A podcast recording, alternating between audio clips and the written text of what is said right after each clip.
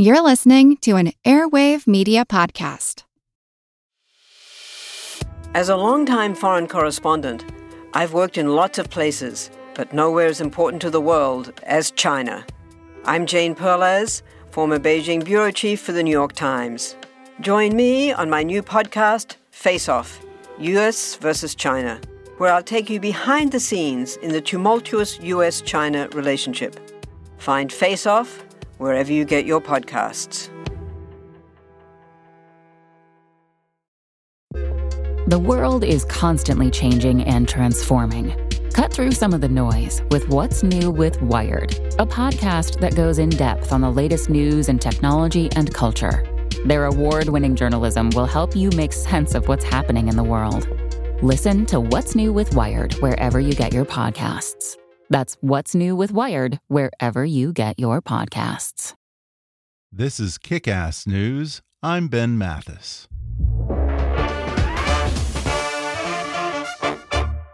We use them every day to learn, design, and strategize. Dry erase boards and now glass marker boards are must haves in every stage of life.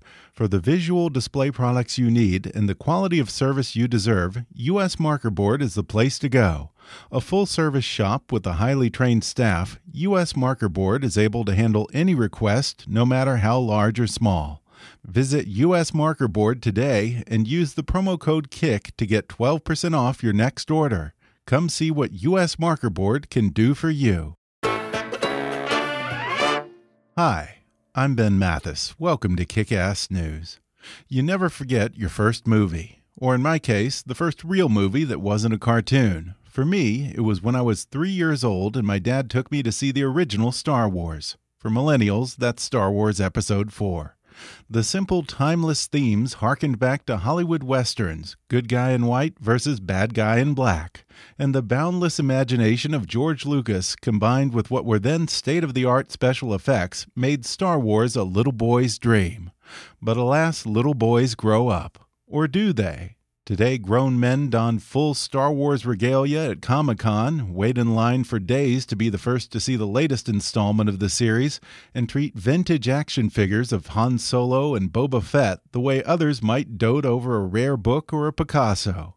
And the Star Wars films have even found fans among leaders in the military like General Stanley McChrystal and former NATO commander and former guest of the show, Admiral James Stavridis. They're just a couple of the many military experts who draw important lessons for the battlefield from the films in a new book called Strategy Strikes Back How Star Wars Explains Modern Military Conflict. One of the co editors and contributors to Strategy Strikes Back is Max Brooks.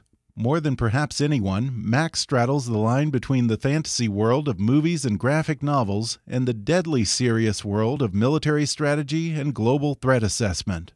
A few years ago, his best selling zombie themed books, The Zombie Survival Guide, World War Z, and The Zombie Survival Guide Recorded Attacks, got the attention of the chairman of the Joint Chiefs of Staff, and soon top military brass were thinking about what a fictional zombie apocalypse could teach them about real world scenarios like insurgency campaigns, an EMP attack, or even a global pandemic. It's led Max Brooks in an unexpected direction as a fellow at the Modern War Institute at West Point and senior fellow at the Atlantic Council's Art of Future Warfare project, speaking at a variety of military engagements that have included the Naval War College, the FEMA hurricane drill at San Antonio, and the Nuclear Vibrant Response War Game. Today, Max joins me on the podcast to talk about how he gets entrenched military leaders to think creatively about complex problems and the threats that he says the U.S. is least prepared for. He discusses what Star Wars can teach us about victory on the battlefield, how toxic leadership costs lives, as well as Donald Trump's North Korea policy, Russian cyber attacks, and how we could survive an attack on the power grid if we just have the manpower and the training to do things the old fashioned way. He discusses how his mother, the late Anne Bancroft, helped him cope with dyslexia, and what his dad, Mel Brooks, thinks about his unexpectedly serious career trajectory. Plus, an Ewok insurgency and how to survive a zombie apocalypse. Coming up with Max Brooks in just a moment.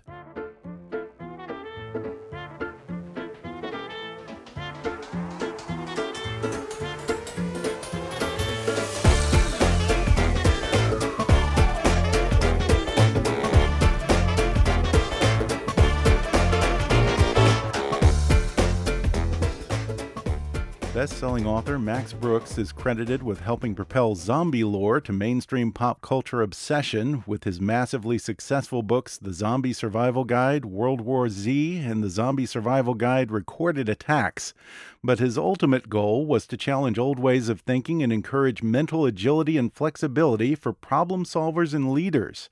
Now, in addition to writing fiction, he serves as a fellow at the Modern War Institute at West Point and senior resident fellow at the Atlantic Council's Art of Future Warfare project. He recently edited and contributed to a new book called Strategy Strikes Back How Star Wars Explains Modern Military Conflict. Max Brooks, thanks for coming on the podcast. Good to be here. Thank you. Max, you have a fascinating career. It seems like one day you may be at Comic Con, and the next minute you're talking to the chairman of the Joint Chiefs about counterinsurgency. How does one get from writing zombie yeah. novels to working with senior military leaders and gaming out complex global threats? You know, I, it's all the same theme. It's all literally just how to prepare for what might go wrong. Mm -hmm. That's really just a very simple premise. It just comes out in very diverse ways. Everything I do can be traced back to that simple premise. And it could be the work at the Modern War Institute or the Atlantic Council, or literally uh, my last book, the Minecraft book, which right. I, I saw this video game that kids are playing that my son was playing, and I said, Oh my God, this game, if seen through the right lens, can teach kids how to be resilient and flexible in this crazy changing world, which is why I agreed to write the Minecraft book. Yeah, Minecraft does have kind of a Robinson Crusoe element to it, I guess, doesn't it? Well, it really does because I think most video games, certainly the ones that we grew up with, are very linear and uh, very right or wrong. Mm-hmm. It's very strict. There's one way to do something, you do it, you get rewarded. You don't do it, you don't move up, which is exactly how our school systems were, which is exactly what the Industrial Revolution demanded. But we're now living in this crazy complex world where things are changing, to quote my dad, at ludicrous speed. and the new skill set has to be things like mm-hmm. uh, resilience, mental flexibility, uh, recovery from failure. And that's Minecraft. So mm. when I first was introduced to that game, I thought, "Oh my god, this this is possibly the greatest teaching tool we have for the 21st century. Uh, yeah, and I think zombies are sort of the perfect monster for gaming out strategy and figuring out complex global threats because it's the only kind of monster that actually has the potential to take over the whole world or threaten the whole world. It does, it's and similar it, to a virus or something. Exactly, and like a virus, it has the potential to kill you in a secondary or tertiary way. Mm, in yeah. that, I always thought when I even even as a kid watching zombie movies, I thought most people would die without ever having seen a zombie. Because what zombies mm-hmm. can do is they chew right through the fabric of society that keeps us alive. Things like clean water and medicine yeah. and fresh food, you know, all those things that allow us to live in this wonderful new bubble of mm-hmm. protection. You take that away and you throw us into the dark ages, you're going to have a lot more tetanus deaths than you're going to have zombie deaths. And it seems like that's pretty applicable to not just, you know, a pandemic plague, but uh, an EMP attack or uh, a financial collapse, even. I mean, how do people survive that? The biggest enemy isn't, like you said, the zombies, it may be our neighbors. Exactly. And our enemies are getting very good at thinking that way, and mm-hmm. we are not. You yeah. know, right about the dawn of the 21st century, we perfected this system of systems warfare. Mm-hmm. Taking conventional, mechanized, industrialized warfare and putting it on steroids. And we've gotten so good that other countries aren't even coming close to that because they know they can never beat us in that world. So that's why they develop things like information warfare, cyber warfare, uh, insurgency, all the things that we're not good at. Mm-hmm. So they can hit us in places where we're not looking. Yeah, and I think that your work has the desired effect on me because whenever I read World War Z or if I'm watching The Walking Dead, I turn into a complete nervous wreck. I start, you know, scolding myself for not having an earthquake kit and freaking out, thinking, what would I do if there were riots in my neighborhood? As you should, because if you live in Southern California, yeah. we live three seconds away from the apocalypse. Yeah. You know, I've, I've grown up in Southern California. I've lived through earthquakes, I've lived through massive fires, floods, riots, uh, crack epidemics.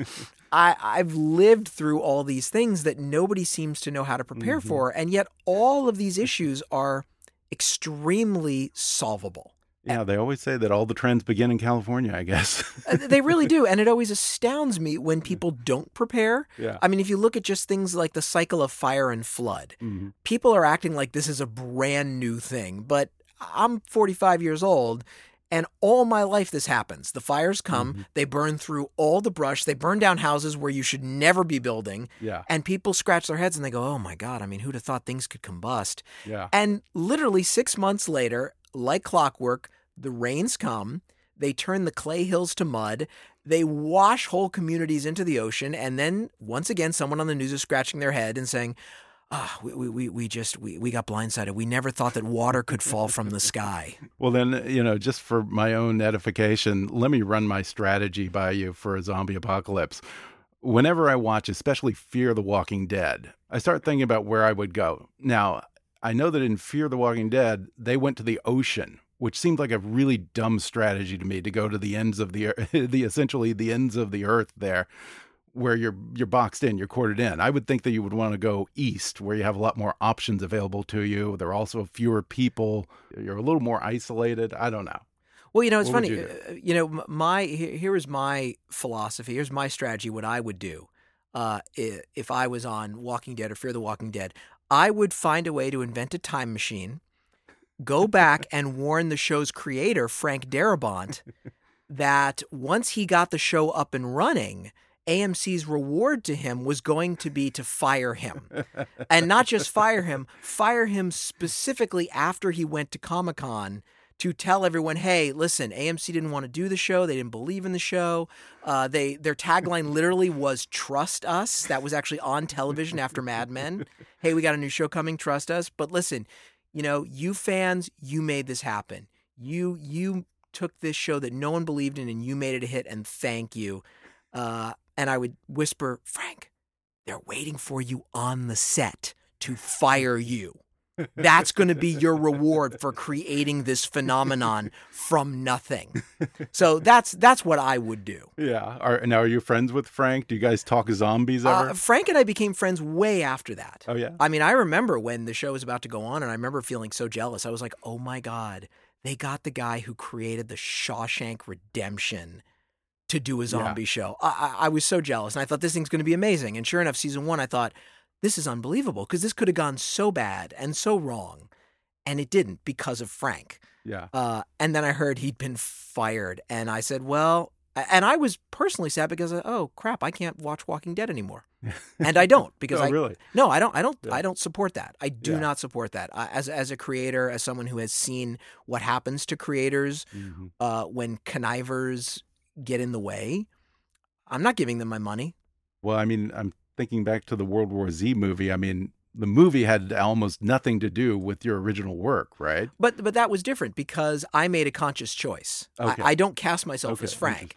No, because uh, because if I'm not pleased with whatever happens, I have no one to blame but myself. Nobody put a gun to my head. Uh, nobody made me any promises whatsoever. As a mature adult, I made a conscious choice, and the price is that of that is that I've got to live with the consequences. So uh, that's why I, I would never badmouth the movie. Now, to be fair, I didn't think it was a bad movie at all.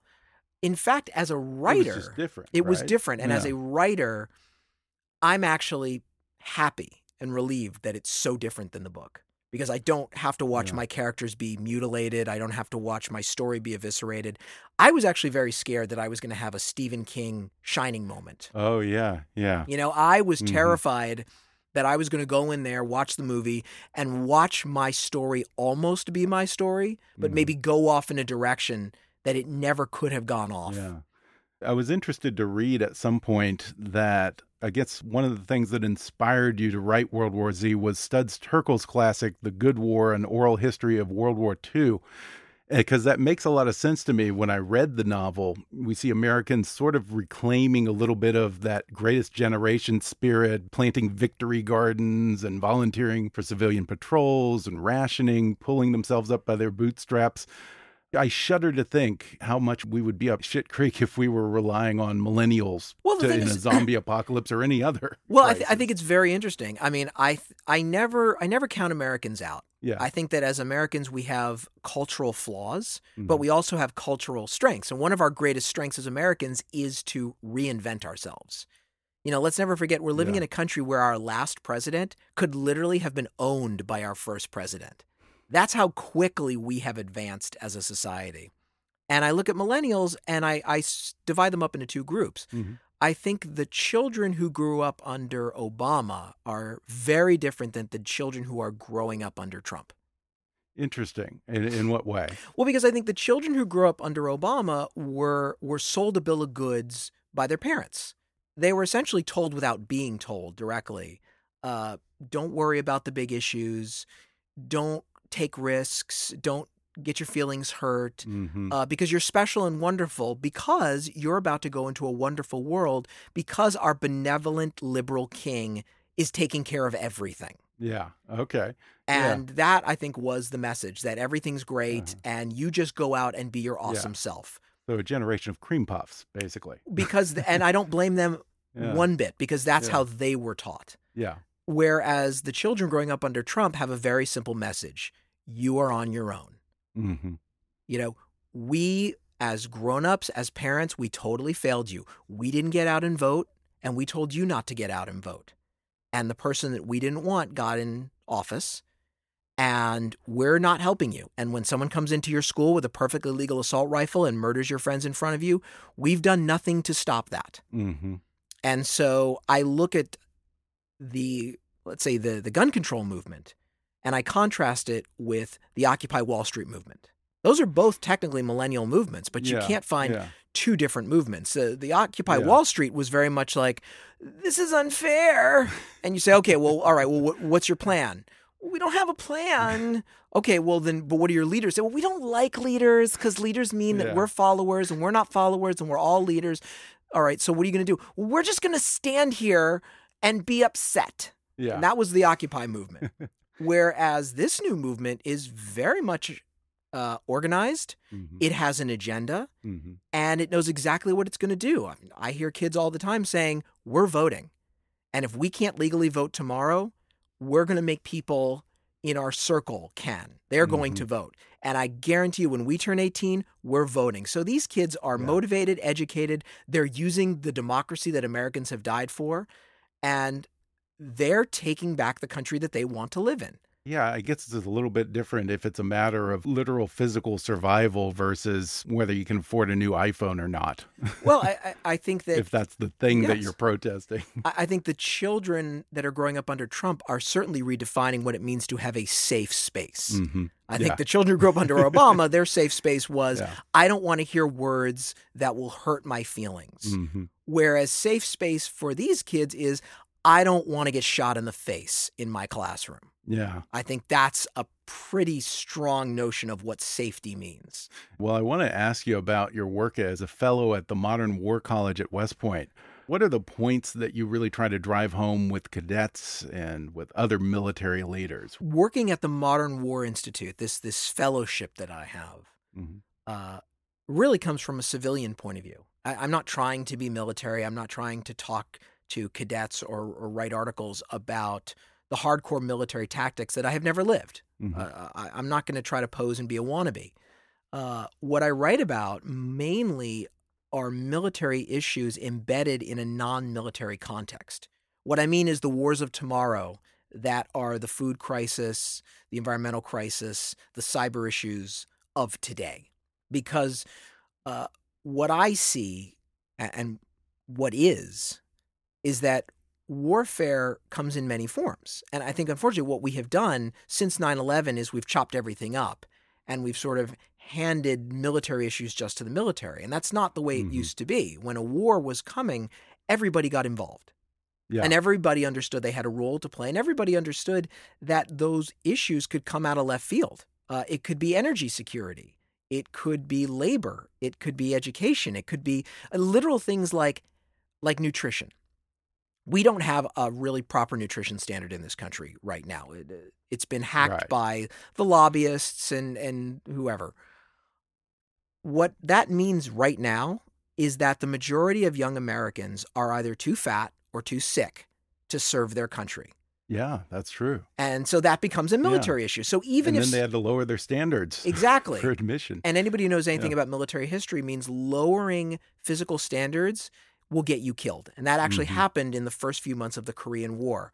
When Kim Il sung crossed the 38th parallel, the only American troops to meet him were occupation soldiers from Japan. Really? They had never done any physical training. They'd ridden around in jeeps. They were soft. Uh, they were out of shape, and they got slaughtered.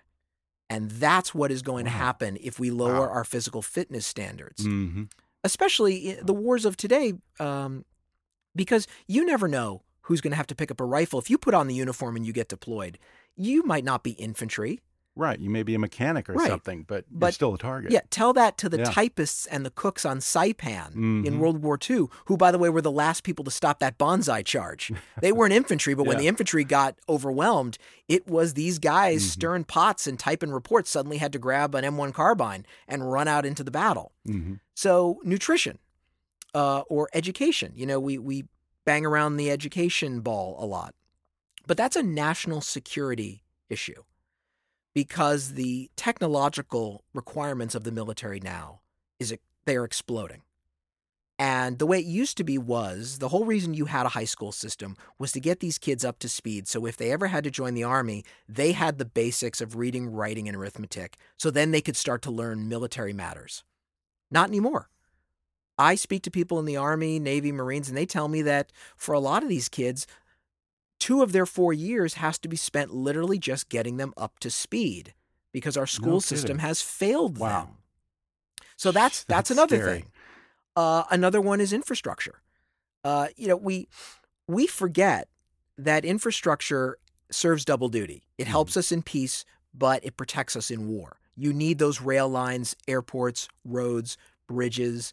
Uh, the Chinese understand that. They're building high speed rail all around China, not just so they can get commuters to work, but if God forbid they have a two front war, they can shuttle troops around at light speed. We don't do that. If, if we Yeah. have that with crumbling roads and bridges, we're going to be in a lot of trouble. In terms of infrastructure, do you think that we're focusing on the wrong things? Because, you know, when I hear Trump talk about his big infrastructure plan, yeah, he's talking about bridges and roads, or he's talking about revamping airports and so forth, but he's not talking about cybersecurity. He's not talking about having a, a fast internet available Well, and other things for a 2.0 war. That's that's a, another huge issue, and and this goes back to the end of the Cold War, Mhm. where where we had this this uh, in very intelligent sounding idiot, Francis Fukuyama, who told us all that this was the end of history. Wrote a whole book, The End of History, and the notion after the Cold War was.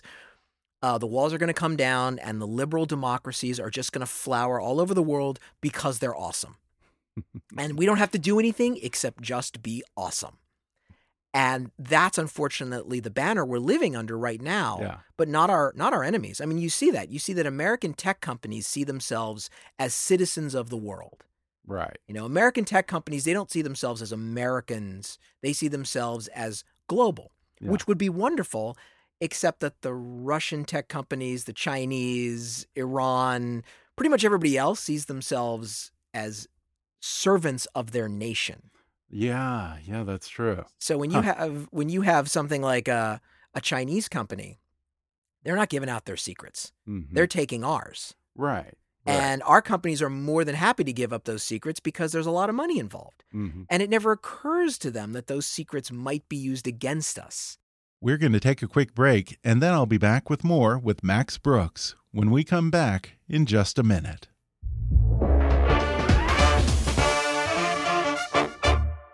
Whether your tires are new or worn, you should have the confidence to get where you need to be.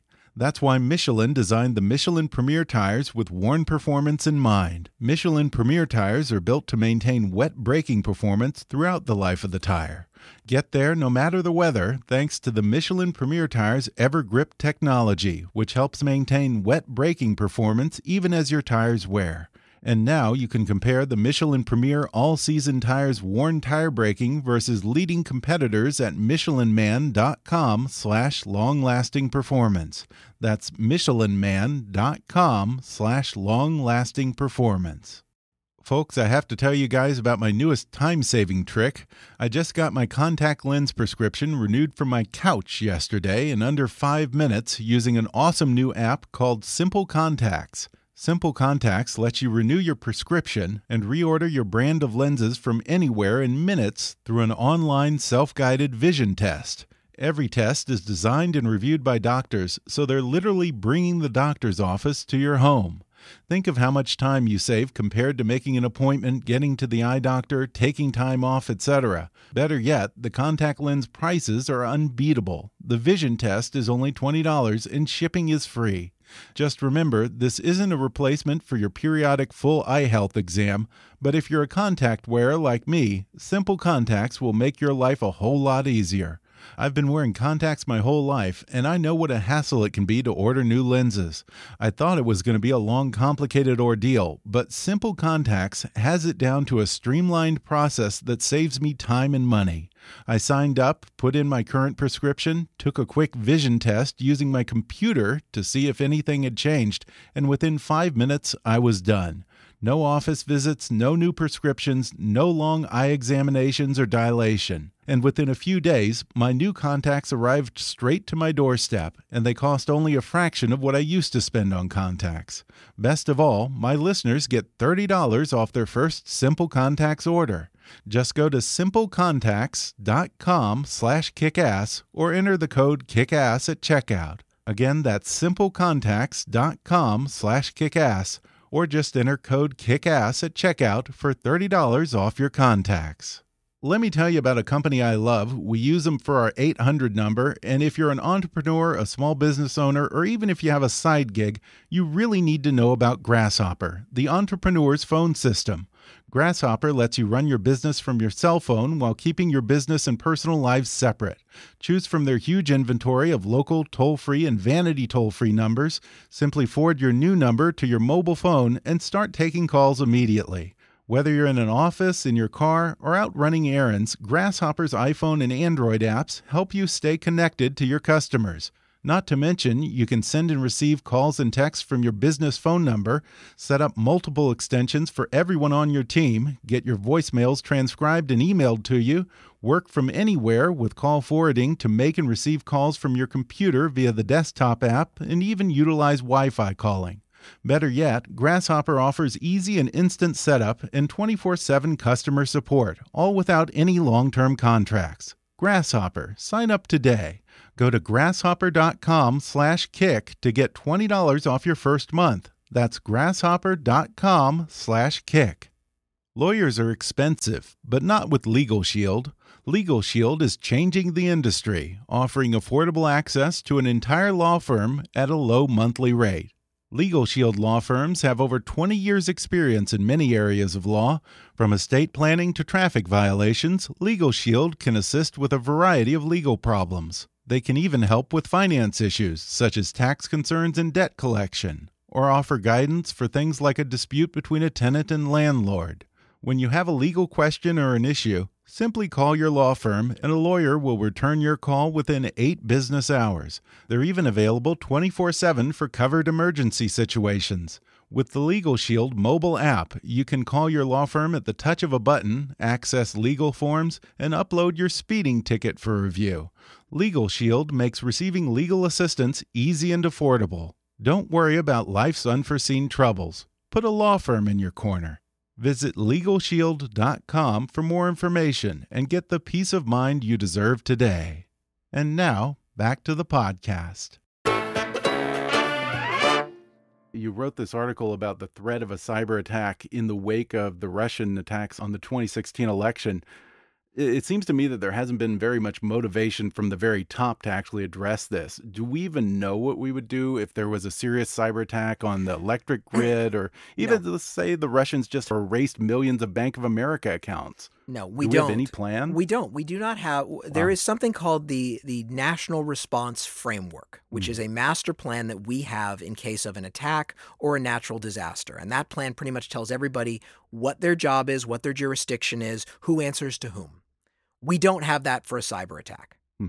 So if there is, let's say, a massive cyber attack right now in this country that, say, shuts down the grid or literally tells the autopilots on all our planes taking off to suddenly dive on our cities. Jesus. There is no plan.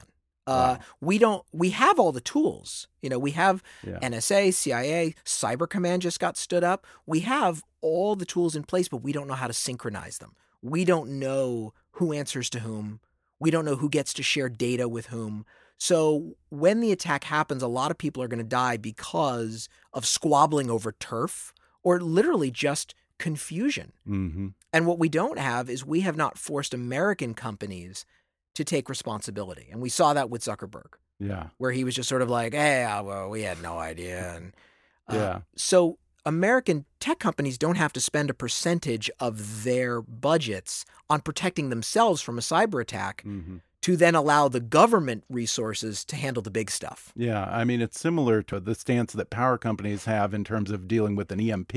Well, it's funny it's you not say the government's responsibility, apparently. It's on these private companies who really, they're not thinking 10, 20 years ahead. Well, and it actually, ironically, I I can't say who it was, but I heard the CEO of one of our biggest power companies talking Yeah. about this exact problem. And apparently, the issue is not technology. The issue is training. Really? Yes, we it, kind of let- let's say the smart grid gets hacked. You know, some a, a, a rogue state or whomever literally hacks the smart grid and tells it to switch off. We could go back and switch it all back on and operate it manually with workers on the ground with radios and switches, Really? all just talking to each other. So we could solve this, but that takes an insane amount of training. And that training takes a lot of money because you got to pay these workers overtime to come in on the weekends Mm-hmm. and drill and drill and drill for this. Uh, because right now they they could do it, Huh. but they don't know how. Really? So we could have an EMP attack and be able to be up and running, largely up and running within a few days if we had people who were actually trained to manually do these things. Right. If we literally Wow. had the workers who had had spent those weekends wow. on overtime to come in and work with a handheld radio, not a cell phone, a handheld radio, and knew how to use manual overrides and knew how to talk to each other and just say, okay, you do this, I'm doing this, one, two, three, go. I mean, does it concern you that it seems like the president's template for the military seems to be stuck in the 40s and 50s? I mean, he always goes back to Patton and MacArthur as his ideal military commanders and, you know, seems more interested in showy military hardware he can parade up and down Pennsylvania Avenue than actually preparing for 21st century problems. Well, the- the thing is, what I love about America is that the president is not a king. Yeah. You know, I, I think Does he know that? I think that's the problem with with the American people right now is we're focusing so much energy on this person Mhm. who essentially is just one cog in a giant machine. Uh, we do have these organizations that work on their own Yeah. that keep us all safe. Now, Steve Bannon's trying to tear it down. He calls it the deep state. Right. What he calls the deep state, the rest of us call democracy Yeah. and civilization.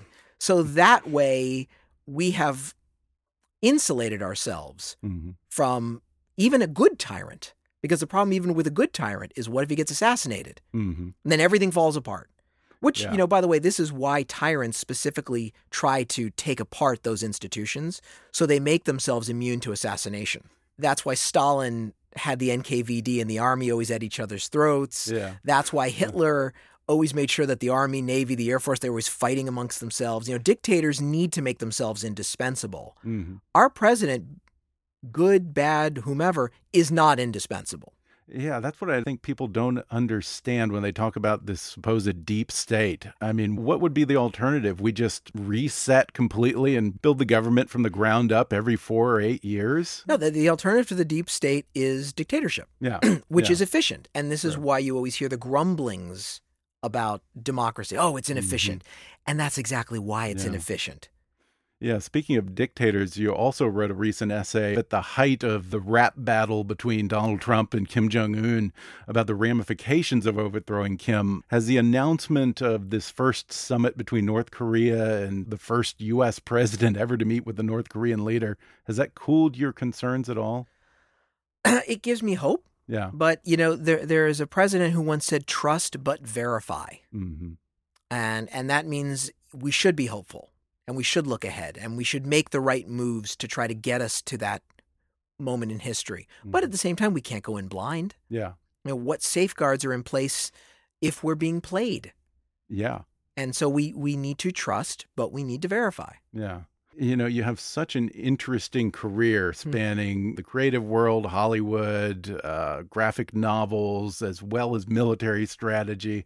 What does your dad say when people ask him what you do? Does he have trouble? No, no, I, th- I think my, my dad that? says what every parent says with pride. Uh-huh. My son has a job. and we kind of alluded to it earlier, but if anyone doesn't know, your dad is Mel Brooks. And I always think back to my time at USC Film School. He came in one day, and I remember prior to that, you know, we had a lot of great directors like Robert Wise and Stanley Don and Stanley Kramer come in and speak, and they were always kind of at the tail end of their career and bitter and angry at Hollywood and just wanted to bitch about, you know, movie executives and how there aren't any Louis B. Mayers left and all that. And I know that this was, I think, toward the end of your dad's film career. It was probably after uh, Robin Hood Men in Tights. And so I was kind of expecting that he was going to be the same situation. But he bursts into the room singing and laughing. And, you know, he took a picture of me with cigars and stuff. And he's like that every time I see him, whether it's just walking into Nate and Al's or anywhere. What is he like as a dad? He's is a, he he's funny? he's exactly what you see. He's a he's a positive guy. Yeah. He's a guy who came from nothing hmm and made his career, and he keeps going. You know, he's not. I, I, I can say honestly and and gratefully, what you see is what you get. Yeah. You know, it's not like Bing Crosby, who was sort of America's dad and sweet, lovely, boo, boo, boo, Yeah. nice guy. And then you find out like two of his kids literally committed suicide. He was such a bad dad. Yeah. So there, thank God there isn't any of, of that. Yeah. I mean, where does he get his energy at? What is it, 92 now? He's going to be 92 He's in a- June. a gonna be- of energy every time I see him. Is he calmer when he's around the family? Uh, I think he sleeps more. okay. He'll sit around the, the kitchen table. Uh, Yeah. Because, you know, he comes over every night. Yeah. Uh, and then he goes over to Carl Reiner. Right, right, That's his routine. Uh, so he definitely naps a little bit more, but when Yeah. he's on, he's he is Yeah. still on. I mean, it's it's unbelievable amazing. to see his energy, uh, his vigor is he keeps going. Yeah, you know, I've had Carl Reiner on a couple of times as well as Rob, and I'm sort of charmed by the idea that the two of them have this decades long friendship where they have dinner with each other and watch old movies every night and talk till the wee hours. Uh, I asked Carl at one point, I think I probably suggested to him because he's now he's writing all these books. I said, "Why don't you and Mel write a book about friendship?" Hmm. Do you think your dad would ever do something like that? Uh, who would get top billing? That's a good question. Whose, well, name, whose name would come first? alphabetically, uh, your dad. I, I think if you could talk him into that, Yeah. but he wouldn't want just uh, he wouldn't want a, a flip of the coin. Oh yeah. It would, it would have to. I think there there would be some because remember they they are they are the odd couple, so it would be Yeah. it would be quite a collaborative event. Yeah. The two of them ever. But remember also, my dad is not a book writer. Oh yeah, that's true. He's Part like of- a TV writer. He's He's a writer's room with room other writer. writers. Yeah. yeah. Part of his Mhm. energy comes from being with other people. He is Mhm. at his core Yeah, I can see that. an entertainer. Mhm. Like what I do for a living, he'd be dead in a week. Even if he was 35, he'd be dead in a week. Uh, it is. It would be suicide for him to sit alone in a room every day with no one to entertain. yeah. So then, how did you get your love of writing? Who encouraged you, or kind of walked you through it? I think I'm my mother's son. Really? My mother was. She was an actress, but she was much more of an introvert and Mhm. uh, very curious about the world. And as soon as I developed a taste for writing, she immediately got me into uh, typing classes, and she made sure that made sure that I knew that this could be a job. Mhm. This was not a hobby. Even when I was 13 years old, when she made me take that typing class in eighth grade, Wow. she said, "You know, you need to understand something. This is a job." And I think that you said that your mom, who was of course Anne Bancroft, uh, also was the one who helped you deal with your dyslexia when you were young, right? Yeah, yeah. She, uh, she, God knows how she knew. God knows how she found out because nobody Yeah, knew about knew dyslexia. Yeah. Nobody knew. I mean, I, uh, th- there was one. There was one person in the world apparently who had dyslexia and was supposed to be all of our role models. Bruce Jenner. that was literally when I was first diagnosed. They said, "No, no, no, don't worry about it. Bruce Jenner's dyslexic." And I thought to myself, "He's a pole vaulter. He's an Olympic to get. That's who he was back then. He was an Olympic athlete." And I thought, I-, "I hate sports. How does how does that help me in any way? Knowing that this guy who jumps over something with a stick is going to make me a better writer." Yeah. So my mother made sure that I understood what dyslexia was, got me tutored every single day. uh, took all of my reading, all the novels I had to read in school, had them brought to the Institute for the Blind, the Braille Institute, put on audiobook so I could listen. Wow. That is dedication. That's incredible. She did. She she developed her own education plan for me from the first grade to the twelfth grade. Otherwise, uh, we would not be having this conversation. Yeah. You know, I think somewhere along the way, I also heard that Alan Alda was very influential on you as a writer. Alan was my mentor. Really? My mother said, "Why don't you talk to Alan? You love Mash, and you you really admire him as an actor, but he's also a writer. At this point, he was when he was writing and directing movies. God bless Alan. He was so busy. I don't know where he found the time to sit with me and look over my silly little ninth grade novellas and really Yeah. dig in. I mean, he, Really? there was no kid Wow. gloves. It was very guy. much you got to research this part. This is you've got to go back and look at language. You got to understand why people talk to each other. Uh, he was critical Mhm. in in my journey as a writer. I've had him on a couple of times, and his big thing now is improving science communication. Have you talked to him about that? Because in Funny you your should area, you, you you deal a lot with trying to get the military to be able to relate to the public. I had him uh, speak at West Point. way, huh? Oh, really? I literally had him speak at West Point Oh, that's great.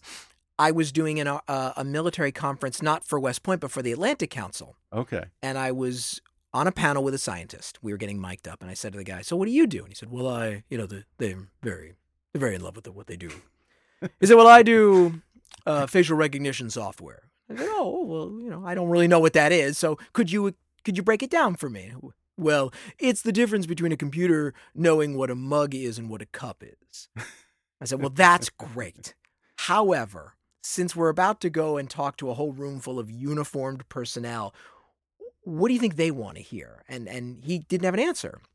And I finally said to him, Are you telling me that if you do your job right, you can develop a software on a drone that is so precise that we will no longer have to send down a Hellfire missile and blow up a whole Taliban wedding. We can actually send down one tiny little smart bullet and just kill the terrorist and no civilian casualties?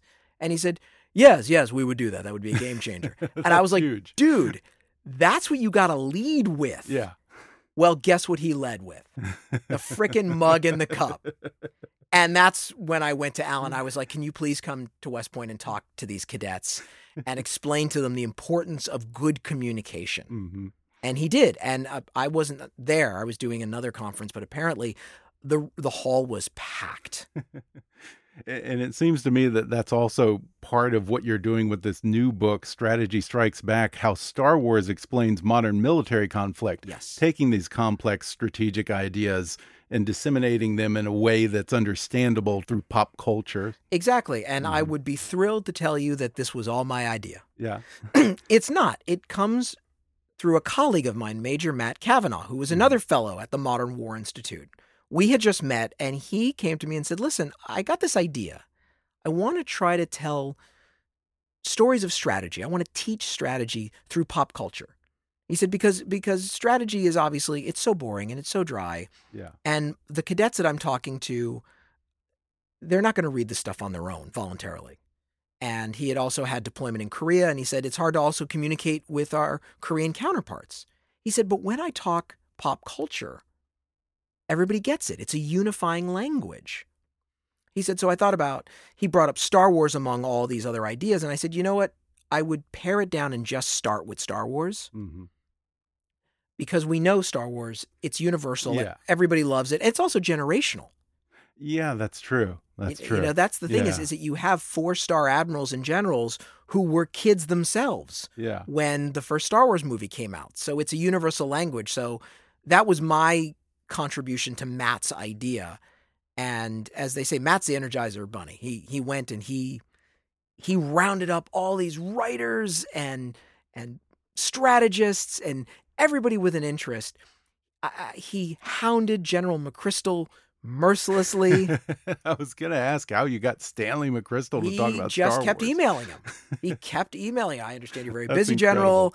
I don't know what he said, but maybe by email number four, General McChrystal probably did it just to get rid of him. But Matt was tireless. And that's Yeah. how we got this amazing group of people. Now you're about the same age as me, and I can still remember the first live action movie I ever saw was the original Star Wars movie. Did you grow up on Star Wars? Were you a fan? You know, it's funny. I have the same emotional sense memory of the first three movies when I watch them now. Because I remember the first one I wasn't that into. hmm I was used to comedies.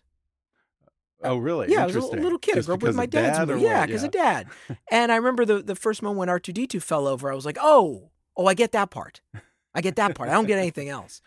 And little by little, I got into it later Yeah. on. Then I remember I was old enough to really appreciate Empire Strikes Back.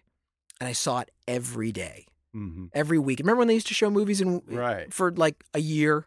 Yeah. I think I saw it every weekend for like six months. and I remember that feeling. And then I remember Return of the Jedi.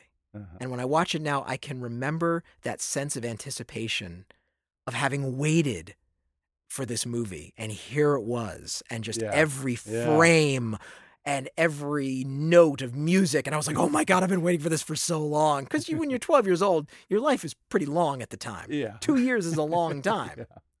Yeah, and I mean those movies in particular get into kind of insurgency and counterinsurgency, so I can kind of I- see the roots of of what you're doing now there. That's why I wrote the essay that I wrote about the Ewoks. Yeah.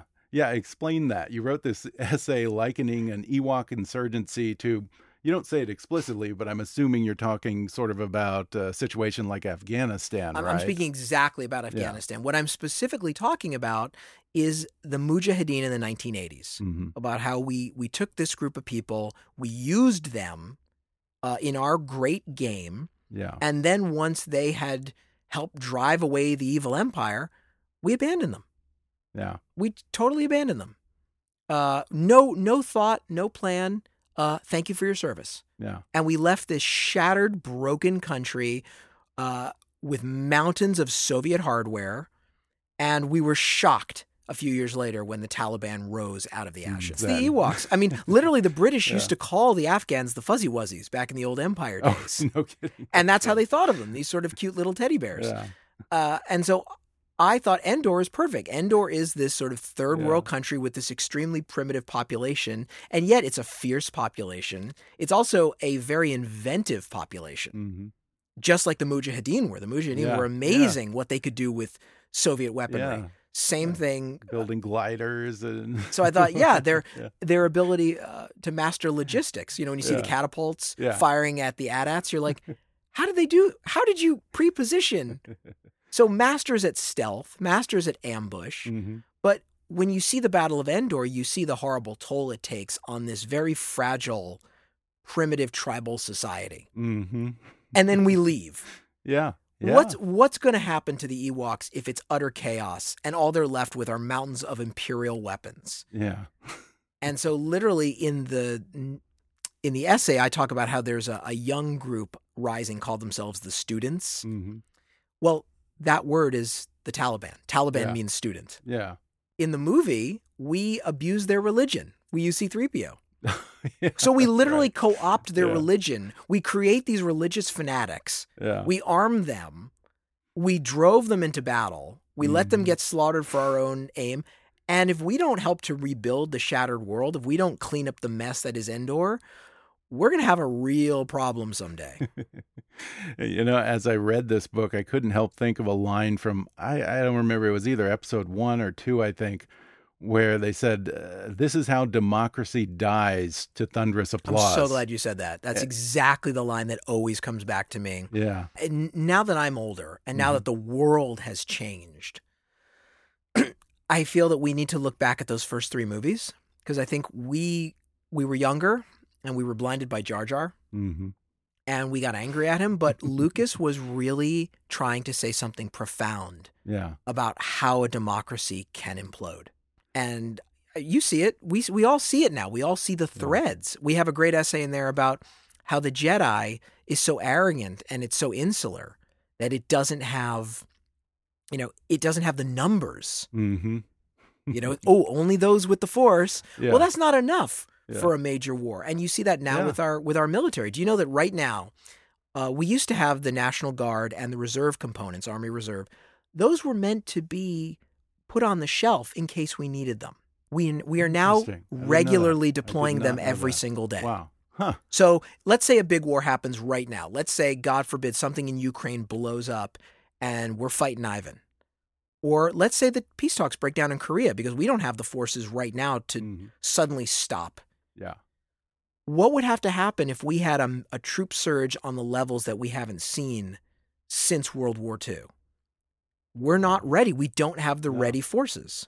There's an essay in here, and I don't want to ask you to comment on someone else's essay, but they say Emperor Palpatine is a, a textbook example of toxic leadership. Yes. Seems like they're kind of alluding to someone else. well, this this was all written before. Oh, it was. No Oh, yeah, kidding. yeah, no, oh, this- this, was, was all- before the election. Right. And remember, we're not we're not talking about civilian leadership. Most of these military people are talking about toxic military leadership. And as, Yeah. as an Okay, outsider, I can tell you I was not Interesting. I'm not an expert in toxic military leadership, but Mhm. apparently it can happen and it can happen poorly. Yeah. I think I think we have we talk about Vader going into the asteroid field, his obsession and, Yeah. and Yeah. getting wounded. Well, the funny thing is that really happened in World War II. hmm You know, we almost lost the greatest naval battle in world history because in 1944, when we were trying to retake the Philippines, hmm the Jap midway. no, this or- was this was Leyte Gulf. Okay. Okay. the Japanese knew they didn't have the forces to stop us carrier to carrier. In fact, their carriers didn't have planes anymore. So what they did was they sent out the few carriers they had as bait to lure our carriers away from the landing zone. Oh, And wow. sure enough, Admiral Halsey took the bait, and what was left of the Japanese battleship force, including the Yamato, came steaming right through the straits and attacked our helpless transports. And they had to be fended off by little baby escort carriers and little destroyer escorts Wow. Because of a commander's obsession with one goal instead of the big picture. And that is, mind blowing. that's mind blowing. It's as mind blowing as leading a whole fleet of star Yeah. destroyers into an asteroid field. now, uh, did you ever consider having your dad write a Spaceballs essay for the book? Once again, my dad's not going to write an essay for anybody. Okay. My dad's not going to sit alone in a room yeah. with no one to entertain. well, again, the book is called Strategy Strikes Back How Star Wars Explains Modern Military Conflict. Max Brooks, thanks so much for talking with me. Good to be here. Thank you.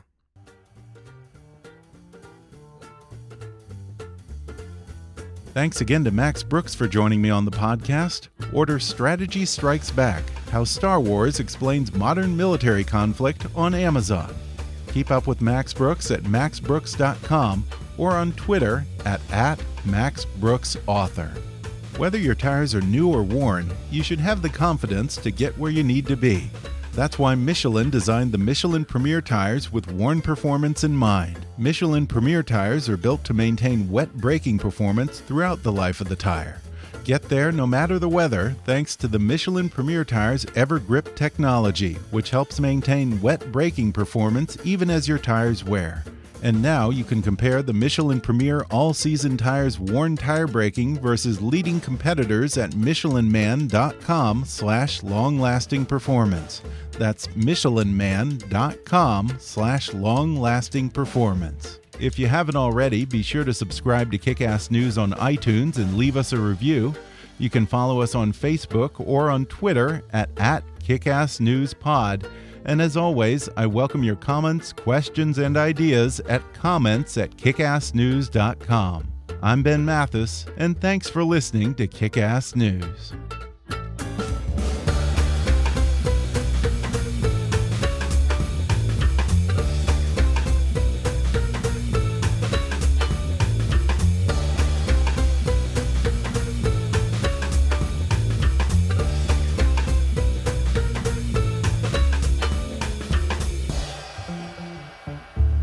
Kickass News is a trademark of Mathis Entertainment, Inc.